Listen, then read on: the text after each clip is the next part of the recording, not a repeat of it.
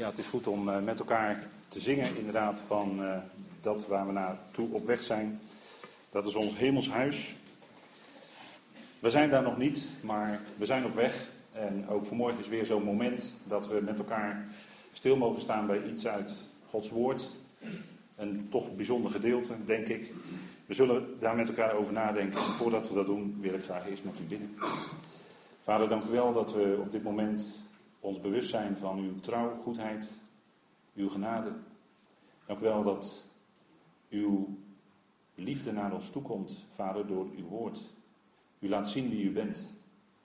Vader, en dank u wel dat u dat heeft bewezen door uw eigen zoon zelfs niet te sparen voor ons. Vader, dank u wel dat we dat mogen beseffen. En stap voor stap in ons leven, Vader, daar meer van mogen ontdekken. Vader, het is bijzonder dat u ons die genade schenkt dat we dat woord horen en dat niet alleen, maar ook geloven. Vader, dank u wel dat we ook op dit moment mogen bidden om de leiding door uw geest. Vader, u kent ons hart. U weet onze gedachten. En dank u wel dat u daarin uw woord spreekt. Vader, mag dat zo vanmorgen zijn tot opbouw, tot bemoediging, tot versterking. Vader, zodat we weer verder kunnen met u. Vader, we kunnen niet zonder u, we willen niet zonder u. Dank u wel dat u ook op dit moment ons daarin wilt leiden. Vader, geef daarin al de wijsheid die nodig is. De overdracht, Vader, zodat het goed mag zijn tot eer van u. We danken u daarvoor. In de machtige naam van uw geliefde zoon. Amen. De verlamde genezen. Een eh, hele bekende geschiedenis die we niet alleen eh, hier in eh, Lucas terugvinden, maar ook in de twee andere naast Johannes. In Matthäus kunt u dat terugvinden in Matthäus 9 en in Marcus 2, vers 1 tot en met 12. En ik zal misschien hier en daar ook refereren aan die andere gedeeltes, maar het gaat eh, specifiek om datgene wat Lucas in het vijfde hoofdstuk daarvan heeft opgetekend, deze toch wel bijzondere geschiedenis. En je vraagt je af van tevoren, ja, waarom heeft God nou deze geschiedenis laten optekenen terwijl Jezus zoveel heeft gedaan? Hij heeft zoveel wonderen gedaan, hij heeft zoveel tekenen gedaan, hij heeft zoveel genezingen verricht. Maar waarom nu deze specifiek? Dat is natuurlijk altijd om iets te laten zien van wie hij zelf is, hè, van wie God is. En eigenlijk is dit een centrale tekst, deze vind ik altijd heel erg fijn, die staat ook in Lucas. Daar staat, want de zoon des mensen kwam om te zoeken en te redden wat verloren is. En dat is geen theorie, maar dat is dat wat hij gedaan heeft. Hij kwam inderdaad om te zoeken en te redden wat verloren was. En hij heeft datgene gedaan wat nodig was, zodat al dat verlorene weer terechtgebracht zal worden. En Iets daarvan komt ook in deze geschiedenis, deze bijzondere geschiedenis, naar voren. Het is niet alleen zomaar een verhaal wat opgetekend is. Het is geschiedenis. Dit is waarachtig gebeurd destijds. De zoon des mensen kwam om te zoeken en te redden wat verloren is. En voordat je dat stukje leest, dat hebben we dan net niet gelezen vanmorgen. Maar de Heer genas en het voorgaande gedeelte staat dat hij een Melaatse genas. Dat is op zich ook al een geweldig gedeelte hoor. Als je daar dieper in doorsteekt, dan zitten daar ook geweldige dingen in. Maar tussendoor, de roep ging van hem uit. Hij genas mensen. Hij sprak zoals nog nooit iemand had gesproken. Er ging een geweldige kracht ook van hem uit. En daarom kwamen de mensen op hem af. En omdat het op een gegeven moment zoveel mensen waren en zo beklemmend was voor hem, ging hij naar die eenzame plaats, de woestijn in. En als je daar in Galilea bent, hoef je maar een klein stukje zuidelijker te gaan. Dan kom je in de woestijn van Judea, bijvoorbeeld. En daar heb je zat plaatsen waar het woestijnachtig is, waar wildernis is. En hij ging daarin om te bidden. Hij wilde alleen zijn met vader. Dat had hij nodig. En ik denk dat als wij als gelovigen dat ook nodig hebben. Dat we dat gesprek met vader hebben. Ook als we misschien, hè, zoals we dat, dat dan wel eens noemen, hè, in de woestijn van ons leven zijn, een woestijnperiode kennen, zo noemen we dat wel eens. Hè, als er, dan bedoelen we eigenlijk als er moeilijkheden, als er problemen in ons leven zijn. Dan hebben we het zo nodig dat we dit doen wat de Heer ook deed. Hè? Die afzondering zoeken, in alle stilte met vader spreken. Hij ging de woestijn in om te bidden. En dat lees je op diverse plaatsen. Hè? En die, daar wil ik toch niet aan voorbij gaan. Het is maar één zinnetje zo in de schrift. Maar het zegt zoveel. Hij deed zijn werken in afhankelijkheid van de Vader. En hij kon ook alleen maar genezen. Hij had alleen maar kracht om te genezen, omdat Vader hem dat gaf. Hij sprak de woorden die hij van Vader hoorde. sommige mensen die willen soms de Heer Jezus op hetzelfde niveau plaatsen als God de Vader zelf. Maar we hebben vorige week daar hele duidelijke woorden over gehoord. Toen Pieter sprak over absoluut en relatief. Dat was erg duidelijk. Maar hij is niet op hetzelfde hoogte als de Vader. Want de Vader is bijvoorbeeld, hè, om iets te noemen, de Vader is de zender en hij is de gezondene. Dan ziet u waar het allemaal vandaan komt. Hè? Dat hebben we vanmorgen ook gezongen. Dat alles bij God vandaan komt. Hè? God is de bron van alles. En God is liefde. Die notitie zou u altijd, als u het woord God in uw mond neemt of daaraan denkt, aan hem denkt, zou u altijd moeten bedenken: God is liefde. Dat is zijn wezen. Dat is niet één van zijn eigenschappen. Nee, dat is zijn wezen. Hij is liefde. En van daaruit handelt hij. En van daaruit heeft hij ook zijn zoon gestuurd. En die wandelde hier op aarde. En die had het nodig steeds opnieuw om met vader in dat gesprek te zijn. Dat intense. En uh, ja, er staat alleen bidden. Hè, maar als we, uh, als we de Hebreeënbrief erop naslaan. Dan uh, merken we ook dat hij leed. Hè, dat hij leed onder al datgene wat hij om zich heen zag. En dat hij zelfs onder sterk geroep en tranen, hè, zo spreekt de Hebreeënbrief erover in Hebreeën 5 dat hij onder sterk geroep en tranen zijn weg is gegaan. Met vader had hij nodig om te bidden. was niet alleen bidden, maar dat was smeken. Dat ging met tranen gepaard. Dat was lijden voor hem. En hij ging in die eenzaamheid, in die afzondering. Ik hoop dat u dat kent in uw leven. Die afzondering, dat u met vader spreekt. Want gebed is juist noodzakelijk in Gods plan. Is wezenlijk, is juist een wezenlijk onderdeel van Gods plan. Hij ging in de woestijn om te bidden. En toen kwam hij in het dorp waar hij graag was. Hè. Hij verliet Nazareth. Want als u Lucas leest, was hij daar niet zo gewend. Hè. Ze wilden hem, was hij daar niet zo gewenst. Ze wilden hem daar op een gegeven moment van de stijlte afstorten om de dingen die hij sprak in de synagoge. En toen kwam hij in Capernaum. En dat is heel mooi, want dat, dat woord, dat betekent eigenlijk het dorp van uh, Nahum, hè? zo wordt het wel eens gezegd, hè? het dorp van de profeet Nahum. Nou, of de profeet Nahum daar geleefd heeft, dat weten wij niet. Dat wordt door sommigen verondersteld. Maar als je wat dieper doorgaat op het woord, dan heeft dat woord dorp, dat heeft te maken met bescherming. En dat is heel wonderlijk, want als je in een dorp woont, dan heb je automatisch de bescherming van de gemeenschap. Je bent gezamenlijk. En dat geeft op zich al een stukje bescherming. Dus daar klinkt dat, dat woord bescherming vanuit het Hebreeuws, dat kafar, dat klinkt daar al een beetje in door. En het is het dorp van vertroosting. Hij kwam om te troosten. Hij was de trooster toen hij hier op aarde rondwandelde. Je kunt ook zeggen, zoals iemand anders dat zo heel mooi formuleert, eh, in Israël liep op dat moment de ontferming. Hij kwam als degene die die ontferming van God, waar de profeten zoveel over spraken, waar de Torah over spreekt, hij kwam om die ontferming van God te brengen. Het dorp van de vertroosting. En in ons leven, en ieder mens heeft, heeft troost nodig, heeft bemoediging nodig in zijn leven. Juist in zo'n woestijnperiode waar ik het net over had. En het is dan heel veel betekenend, als, u, als het mij betreft, maar u mag daar best uh, alle kritiek op hebben die u wilt hoor. Maar ik vind dan de betekenis, uh, bescherming en vertroosting, vind ik heel mooi. Want de mensen kwamen op hem af. En wat vonden ze bij hem? Ze vonden bij hem bescherming. Ze vonden bij hem vertroosting, bemoediging. En, en dat is ook wat we elke keer ons tegemoet komt als we zijn woord openen dan bemoedigt ons dat, dan vertroost ons dat, dan spreekt ons dat aan. Hè? Dat is eigenlijk het letterlijke woord vanuit het Grieks. Hè? Het is degene die ons aanspreekt. Hij was de trooster. Hè, dat, dat, ja, dat besef je niet altijd, maar toen hij op het laatst met zijn discipelen in die opperzaal was, toen zei hij: Ik zal jullie, als ik verheerlijk ben, een andere trooster zenden van de Vader. Dus hij was zelf de trooster. Maar later kwam die andere trooster, de Heilige Geest.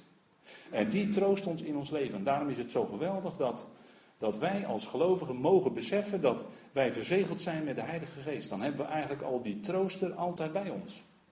Zou je kunnen zeggen. Het dorp van vertroosting.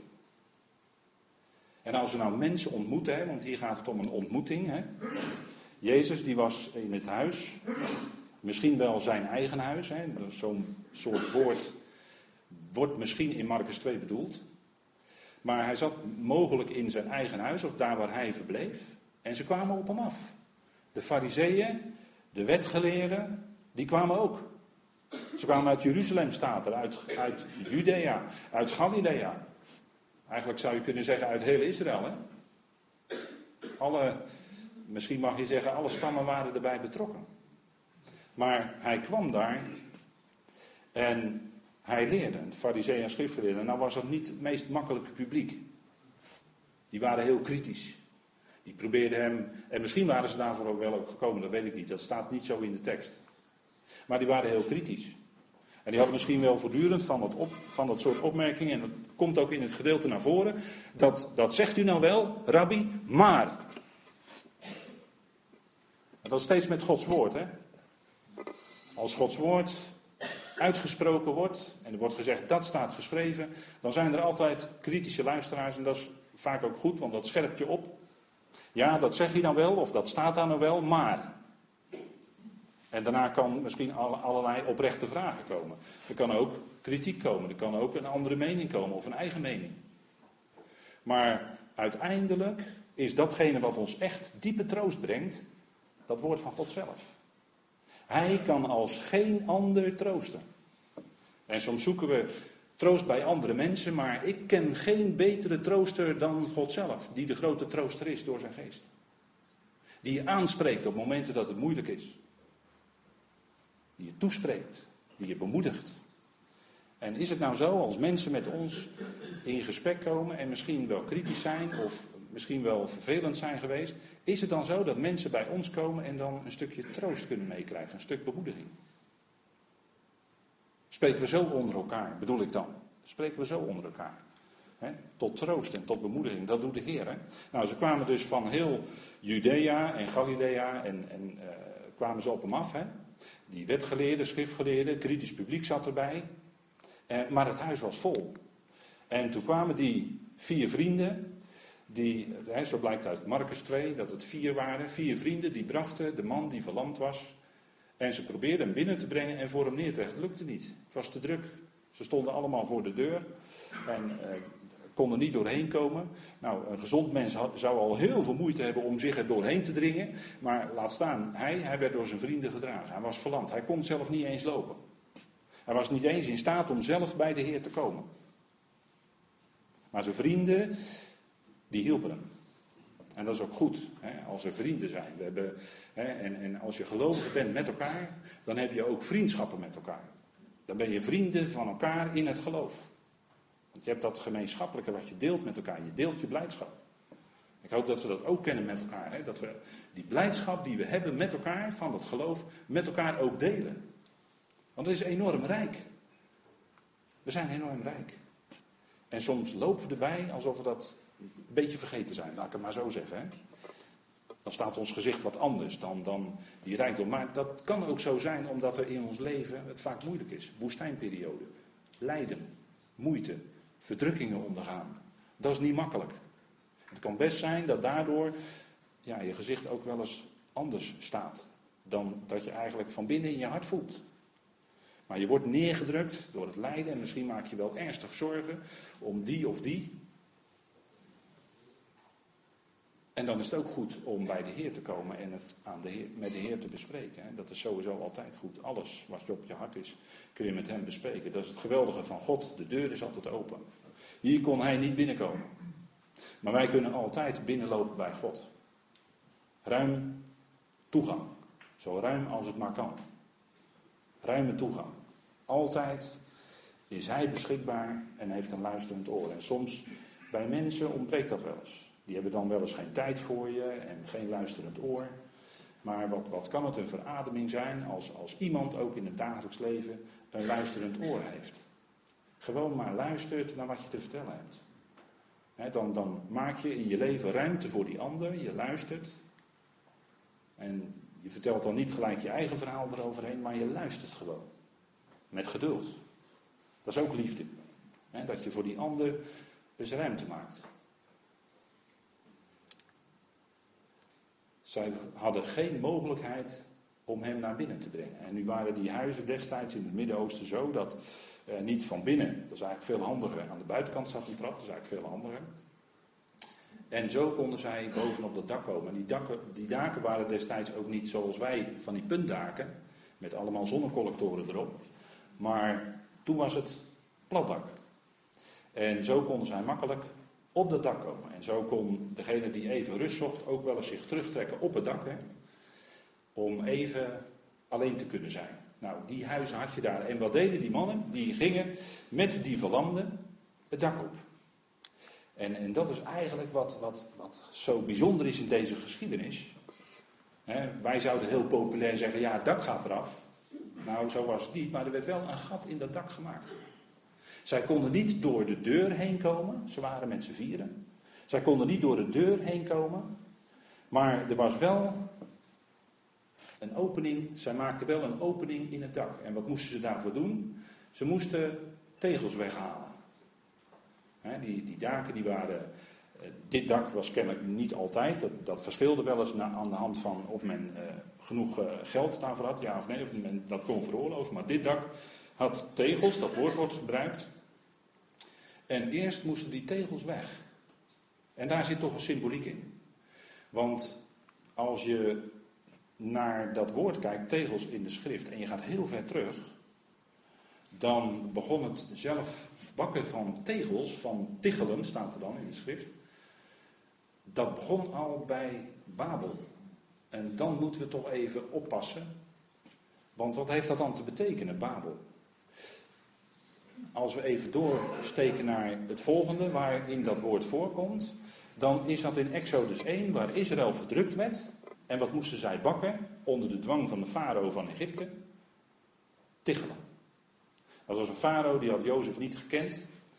En hij bracht het volk in slavernij. Zij moesten heel hard werken in de brandende zon en ze moesten tichelen bakken.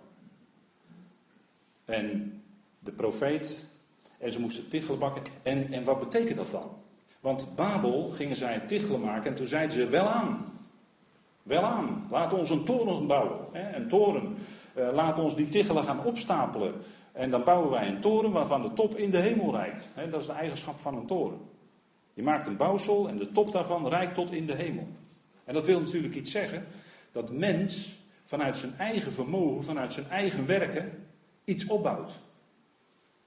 Om misschien wel gelijk te willen zijn aan God.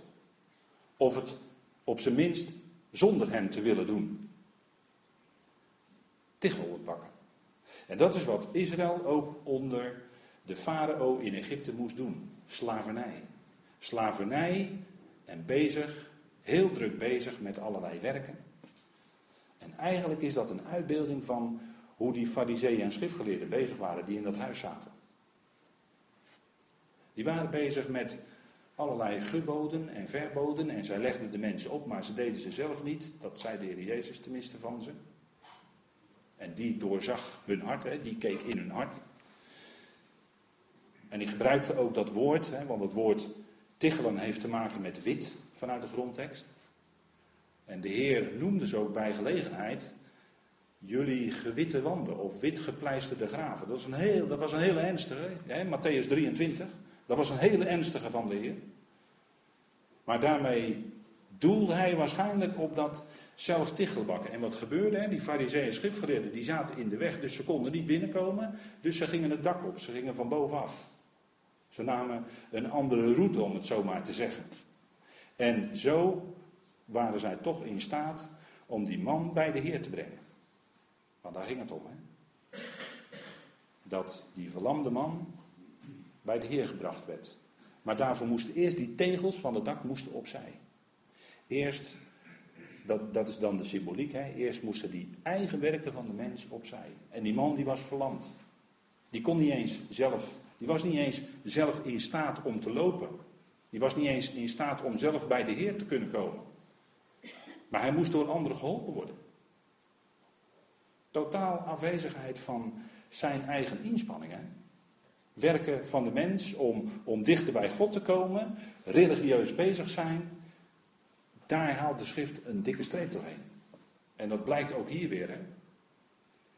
Maar die vier mannen, die, en, en dan uh, zegt Jezaja nog, tichelen zijn gevallen. En nou, we hebben nog diverse schriftplaatsen waaruit dat blijkt. Hè?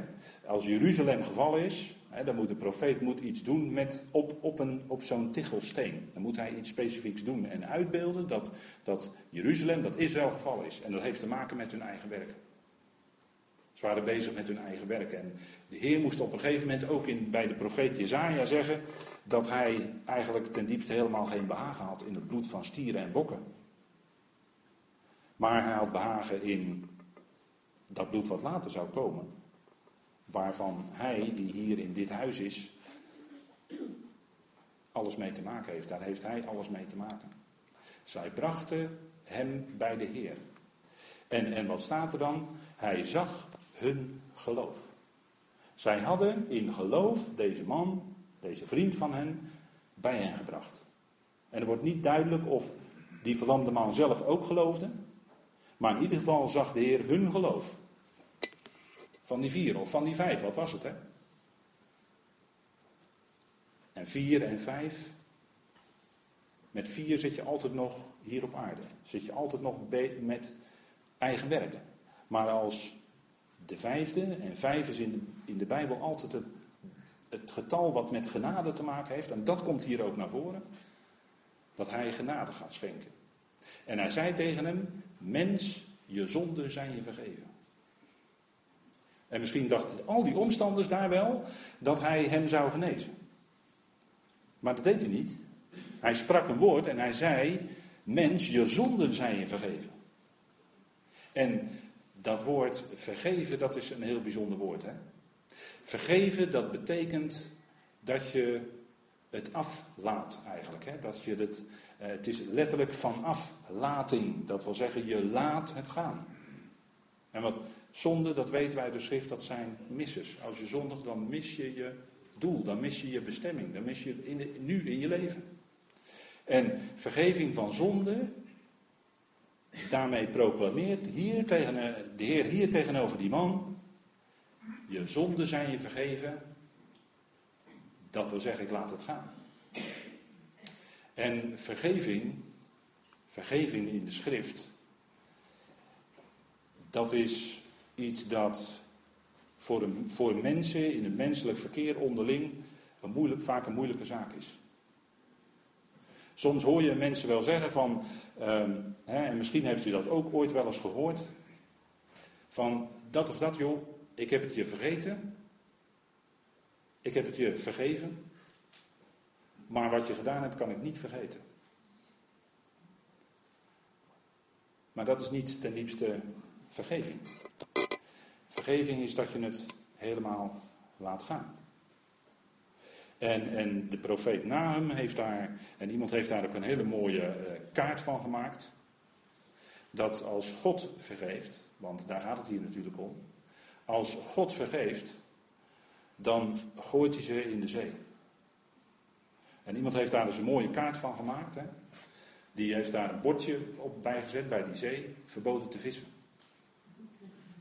Als God je zonde vergeeft, als Hij het laat gaan, en nadat de Heer Jezus gestorven en begraven en opgestaan was, waar, was dat allemaal weg, was dat definitief weggedaan.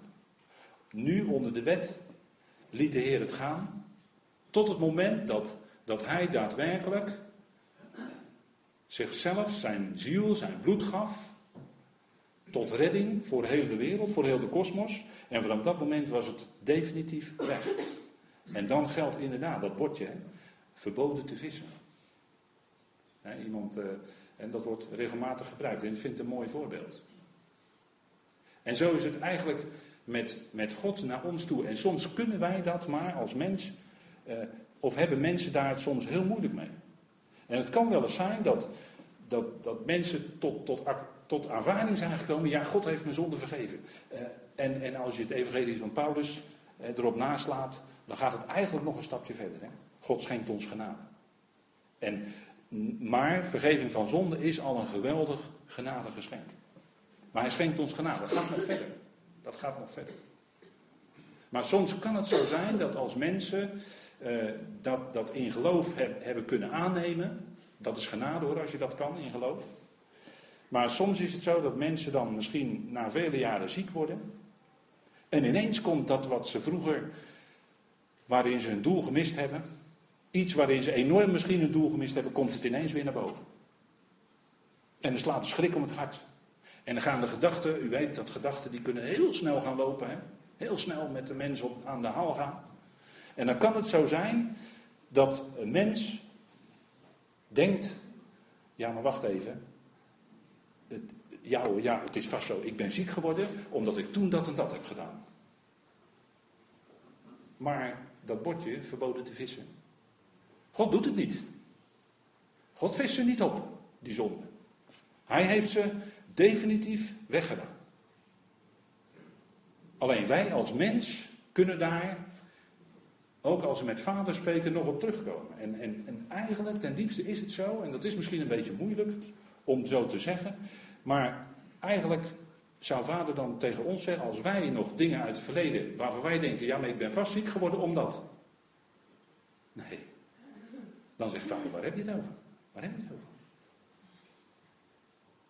Het kruis. Het kruis is er geweest. En daar heeft de Heer alles volbracht. Daar heeft hij de zonde van de wereld op zich genomen. Dat zei Johannes toch? Zie het lam van God dat de zonde van de wereld wegneemt. De wereld, dat is dus eigenlijk die hele mensheid. En daarvoor kwam hij als zoon des mensen. Om ons te schenken, hè, wat hij hier, dat geweldige wat hij hier aan die verlamde man schonk. Aflating van de zonde. En daar hoef je niet voor te betalen zoals destijds de Rooms-Katholieke monnik Tetzel aflaten verkocht. Opdat de zonden vergeven zouden worden. Verschrikkelijk. Nee, de zoon heeft alles volbracht. En daarom kon de Heer hier prediken. Omdat hij wist wat hij zou doen. De weg, de aflaten van de zonde. En nou onderling tussen mensen. Ja, maar jij hebt toen en toen mij dat en dat aangedaan. Ik heb het je wel vergeven, maar ik heb het nooit vergeten. Nou, als je het op deze manier tegen iemand zegt, dan vraag je je af of je het echt wel hebt kunnen vergeven. Of dat je die ander echt wel genade hebt kunnen schenken. En dat is ook genade. Als je dat kan. Als je dat kan. Want soms is het helemaal niet makkelijk wat er tussen mensen gebeurt. Soms is dat gewoon moeilijk. En kan er, de Hebreeën schrijver die zegt dat ook, laat er geen wortel van bitterheid opschieten. Hebreeën 12, vers 15. Laat er geen wortel van bitterheid opschieten in je of onder jullie, waardoor zeer vele aangetast zouden kunnen worden. En het vers ervoor spreekt hij over genade. De Hebreeën schrijven. Genade. Genade in je leven, met God in gesprek, zodat bitterheid geen kans krijgt zodat bitterheid geen kans. Heer, laat het in mijn leven zo zijn dat bitterheid geen kans krijgt. Dat het geen wortel kan schieten in mijn hart. En hoe snel gebeurt dat bij mensen?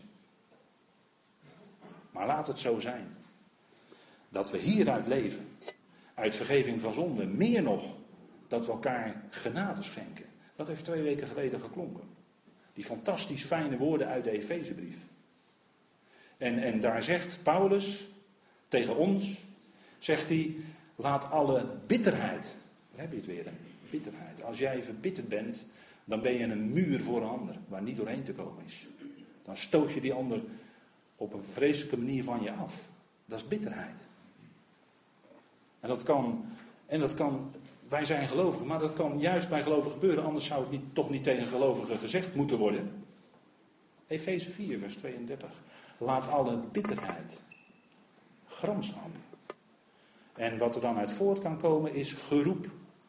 Dat kan uit een verbitterd hart voortkomen. Dan roep je misschien allemaal dingen waar je later spijt van hebt. Dat kan. Maar laat het van je afgenomen worden, zegt Paulus dan. Laat het van je weggenomen worden. Paulus is nooit bezig op een wettische manier. Hij zegt, je mag niet bitter zijn, dat zegt hij niet. Maar hij zegt, laat het van je afgenomen worden. Hoe? Door die genade in je hart. Als er genade in je hart is, dan is er ook vreugde en dan wil je graag die vreugde met elkaar delen. En, en laatst hoorde ik dat nog iemand zeggen. Die zei, uh, en ik refereerde aan een bepaalde situatie. En die zei, joh, ik wil eigenlijk helemaal niet reageren vanuit het oude. Maar ik wil alleen maar reageren vanuit het nieuwe. Vanuit het feit dat ik een nieuwe mens ben. En, en, en zo wil ik eigenlijk reageren. En daarom heb ik zus en zo gereageerd. Ik denk dat is, dat is fijn, dat is een voorbeeld. daar kun je een voorbeeld aannemen, dacht ik dan. Voor mezelf, hè? Voor mezelf. Kon ik een voorbeeld aannemen. Vergeving van zonde. Onderling, hè? Onderling tussen mensen. Zo belangrijk. Dat je samen als, als, als vrienden in vriendschappen dat geloof met elkaar kan delen. Je zonden zijn je vergeven. Ja, en dan komen die fariseeën en schriftgeleerden en die redeneerden door. Hè? Dat is altijd wat wij als mensen ook heel snel en heel goed in zijn. Wij allemaal, wij zijn er heel goed in. Doorredeneren. Want daar komt er een bijna, bijna academische vraag, zou, ben ik dan geneigd te denken, hier uit de tekst. Wie kan zonde vergeven dan God alleen? Zo zaten ze naar hem te luisteren. Hè? Hij vergaf die zonde. In plaats dat ze er blij mee waren voor die man, begonnen ze te redeneren. Ja, maar wacht even. Uh, Torah. Wie kan zonde vergeven dan God alleen? En dan komt de Heer weer met zo'n verbluffend antwoord. Hè. Ik vind die antwoorden altijd zo geweldig van de Heer. En daarom lees ik graag ook die evangelie. want de Heer geeft dan op een manier antwoord waarvan je denkt van ja, hoe is het mogelijk? Hij zag de overwegingen in hun hart. Hij keek door die buitenkant heen. En hij zag de overwegingen in hun hart.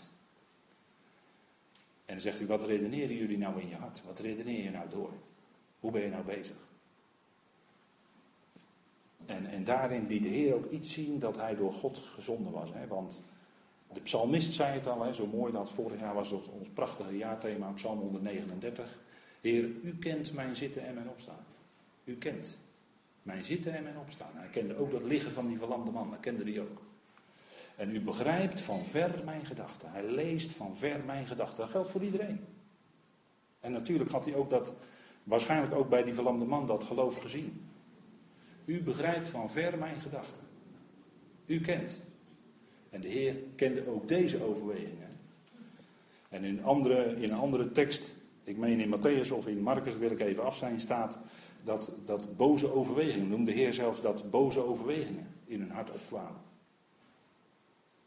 In plaats dat ze dankbaar, blij en, en gelukkig waren met, met wat daar gebeurde.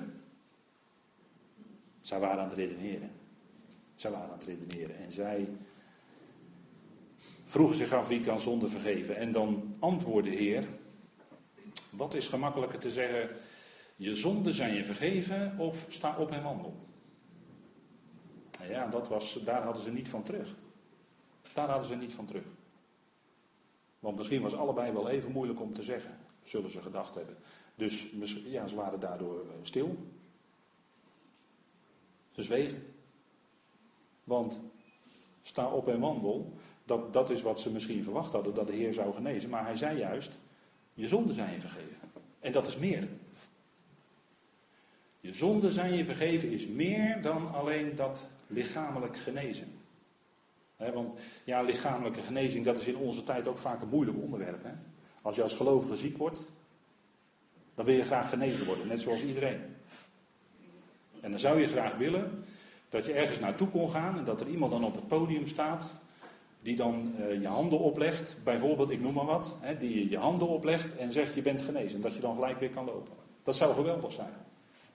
Maar het gebeurt niet in deze tijd. Heer geneest niet lichamelijk in deze tijd per definitie.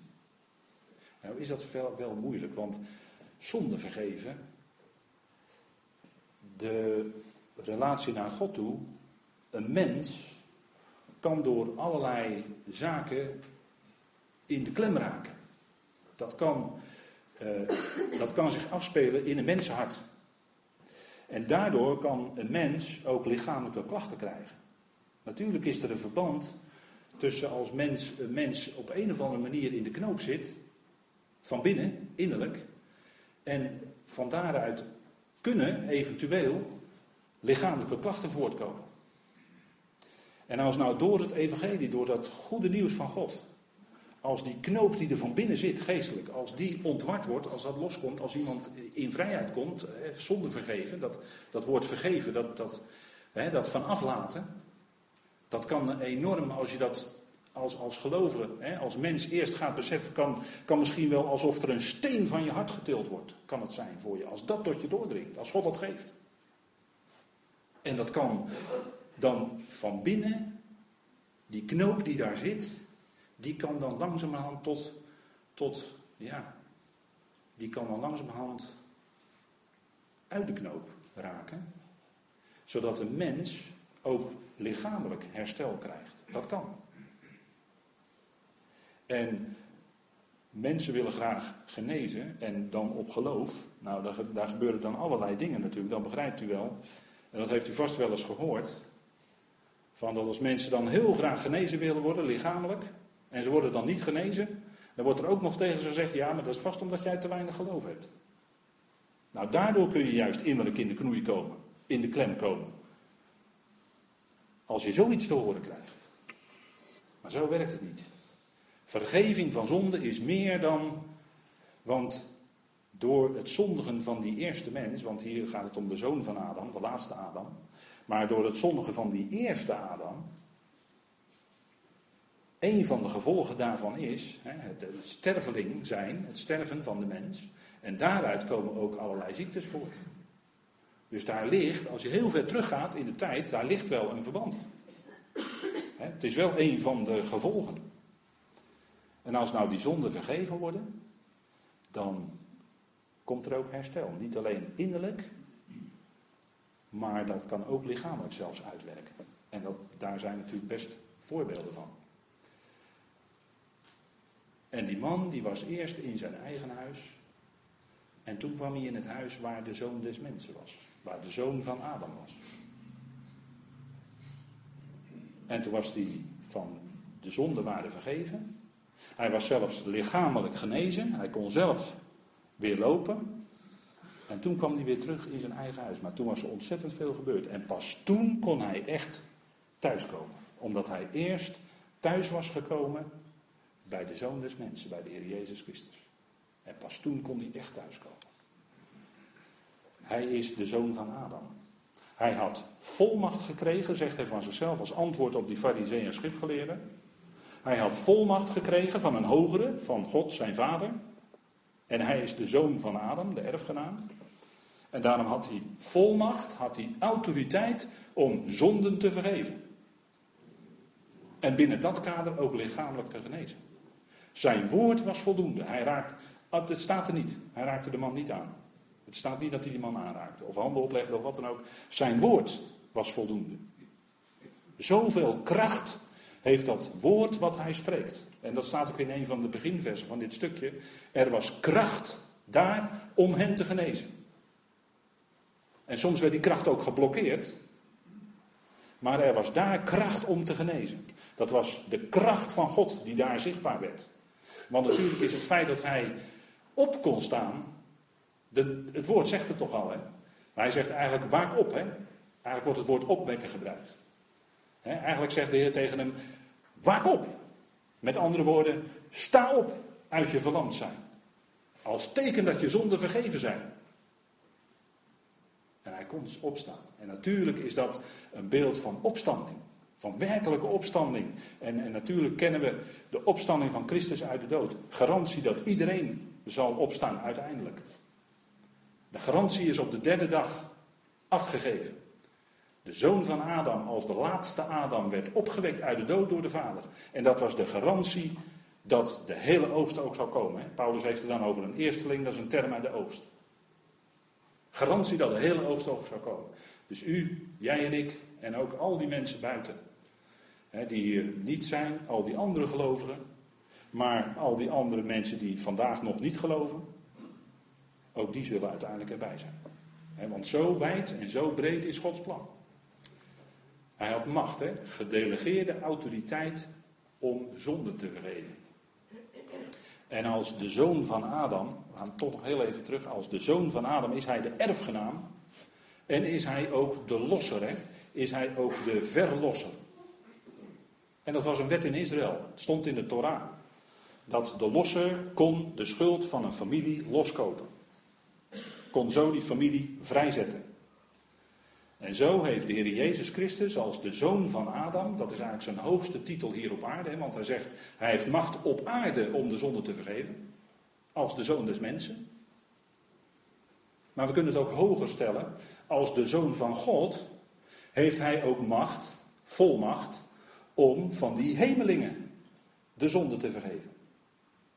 De hemelse macht en krachten. Maar dat is als de zoon van God. Maar hier heeft hij als zoon des mensen, de volmacht, om op de aarde de zonde te vergeven. En zo kon hij zelf als de grote losser, en daarvoor was ten diepste die wet in de Torah opgenomen, daarom kon hij als de losser van de hele mensheid, als de laatste Adam, zijn ziel geven, zijn bloed geven, tot loskoping van velen, zegt Marcus, zegt Matthäus. En Paulus, die, die steekt er dan nog even scherper door, door te zeggen in 1 Timotheus 2, dat hij een overeenkomstig losgeld is voor allen. En dat hij zichzelf heeft gegeven. Dat is nog net iets meer dan alleen zijn ziel. Maar hij heeft zichzelf gegeven tot overeenkomstig losgeld voor allen. Als de grote losser, niet alleen van de hele mensheid, maar van de hele schepping, van alle schepselen. En zo heeft hij door zijn werk aan het kruis, door zijn bloed te geven. Door zijn dood heeft hij die hele mensheid, die hele schepping met God verzoend. En als bewijs daarvan wekte God hem op uit de dood dat het werk volkomen was. Dat het werk gedaan was, dat het werk af was. En zo koopt hij die hele schepping los. En zo kon hij ook de hemelen doorgaan. Want de aardse tabernakel werd gereinigd door bloed alles werd gereinigd door bloed van, van dieren. Maar hij kon alleen met zijn eigen bloed de hemelse tabernakel reinigen met al wat daar is. Dat kon hij alleen doen met zijn eigen bloed en hij is de hemelen doorgegaan en heeft zich gepresenteerd aan de Vader. De Vader heeft natuurlijk dat volkomen werk volkomen geaccepteerd en al het bewijs daarvan. Dat geweldige goede nieuws hè, brengt hij en wat was nou het doel dat die man verlamd was?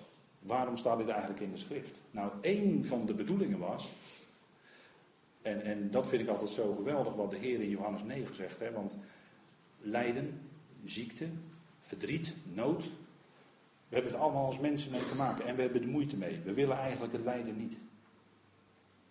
Maar dit verlamd zijn, of zoals in Johannes 9 bij die blindgeborene, en daar ging het ook om een kwestie van zonde, hè? Heeft nou hij gezondigd, of zijn ouders, dat hij nu zo blind is? Dat, dat vroegen ze aan hem, hè? En de Heer zei: Nee, hij is blind geboren. Waarom? Opdat de werken van God in hem geopenbaard zouden worden. En dat was ook hier bij die verlamde. Waarom was die man verlamd? En waarom werd hij door zijn vrienden gebracht? Opdat de werken van God in hem geopenbaard zouden worden. Opdat de werken van God, opdat God verheerlijkt zou worden. En hij ging ook naar huis, God verheerlijkend. En alle omstanders deden dat ook.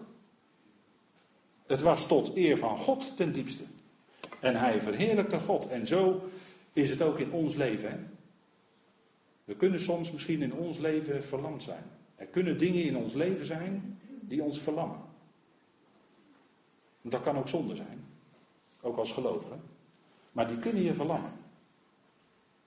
Dan is er eigenlijk maar één weg. Wetend van die geweldige, ruime vergeving en genade van de Heer. Ga ermee naar Vader toe, ga ermee naar God toe. En bespreek het met Vader. Niet als voorwaarde voor vergeving of voor genade, want dat is al, dat is al lang al een feit. Maar als het in ons leven dwars zit en het ons misschien wel verlamt, dat zou kunnen. Ga ermee naar Vader. En bespreek het met Hem, dat is altijd goed. En dan ervaar je daarna weer opnieuw misschien wel die, die bevrijding die die verlamde man ook ervoer. Dat die werken van God in hem zichtbaar werden. De werken van God. Het was uiteindelijk allemaal tot eer van God. God werkte dit uit, hè, opdat Hij verheerlijkt zou worden. En zo is het met alles in ons leven. Hij werkt het uit en daarom deed de Heer dit wonder. Het was niet alleen een wonder, maar het was ook een teken. Het was een teken dat Hij de zoon van Adam is. En dat Hij de hele wereld loskoopt. Door zichzelf te geven. Wat een liefde, wat een genade, wat een heerlijkheid. En, en zo is bij ons, als we dat gaan beseffen, gaan we ook God verheerlijken in ons leven. In ons doen en in ons laten. Tot eer van Hem zijn. Tot zover. Amen. Goed, ik stel voor dat wij de Heer danken. Vader, wij danken u dat we een kort moment stil konden staan bij deze bijzondere geschiedenis. Die draait om die verlamde vader die herstel kreeg. En zo is het altijd goed als we bij u komen, Heer. U geeft herstel. In welke vorm dan ook. Vader, maar u geeft herstel. Vergeving. Meer nog, Vader, u schenkt ons genade. En u heeft alles weggedaan. En Vader, geef dat we niet vissen over dingen van het verleden. En dat we daar laten waar u het gedaan heeft. U heeft het weggedaan. Vader, nog verder dan het westen is van het oosten. Heeft u het weggedaan. Dank u wel, Vader, dat met alles wat op ons hart is, wat ons misschien neer kan drukken. Vader, dat we met alles, met gebed en smeking, het onder dank bij u bekend mogen maken. Vader, dank u wel. Dank u wel voor uw liefde, voor uw trouw, dat deze bij uw zoon kwamen, Vader, opdat wij daar iets van mogen ontdekken over wie u bent. Weer iets over u mogen leren, weer meer iets van die heerlijkheid verstaan. Vader, de heerlijkheid die ons wacht. Ja, vader, het is zo ongelooflijk groot.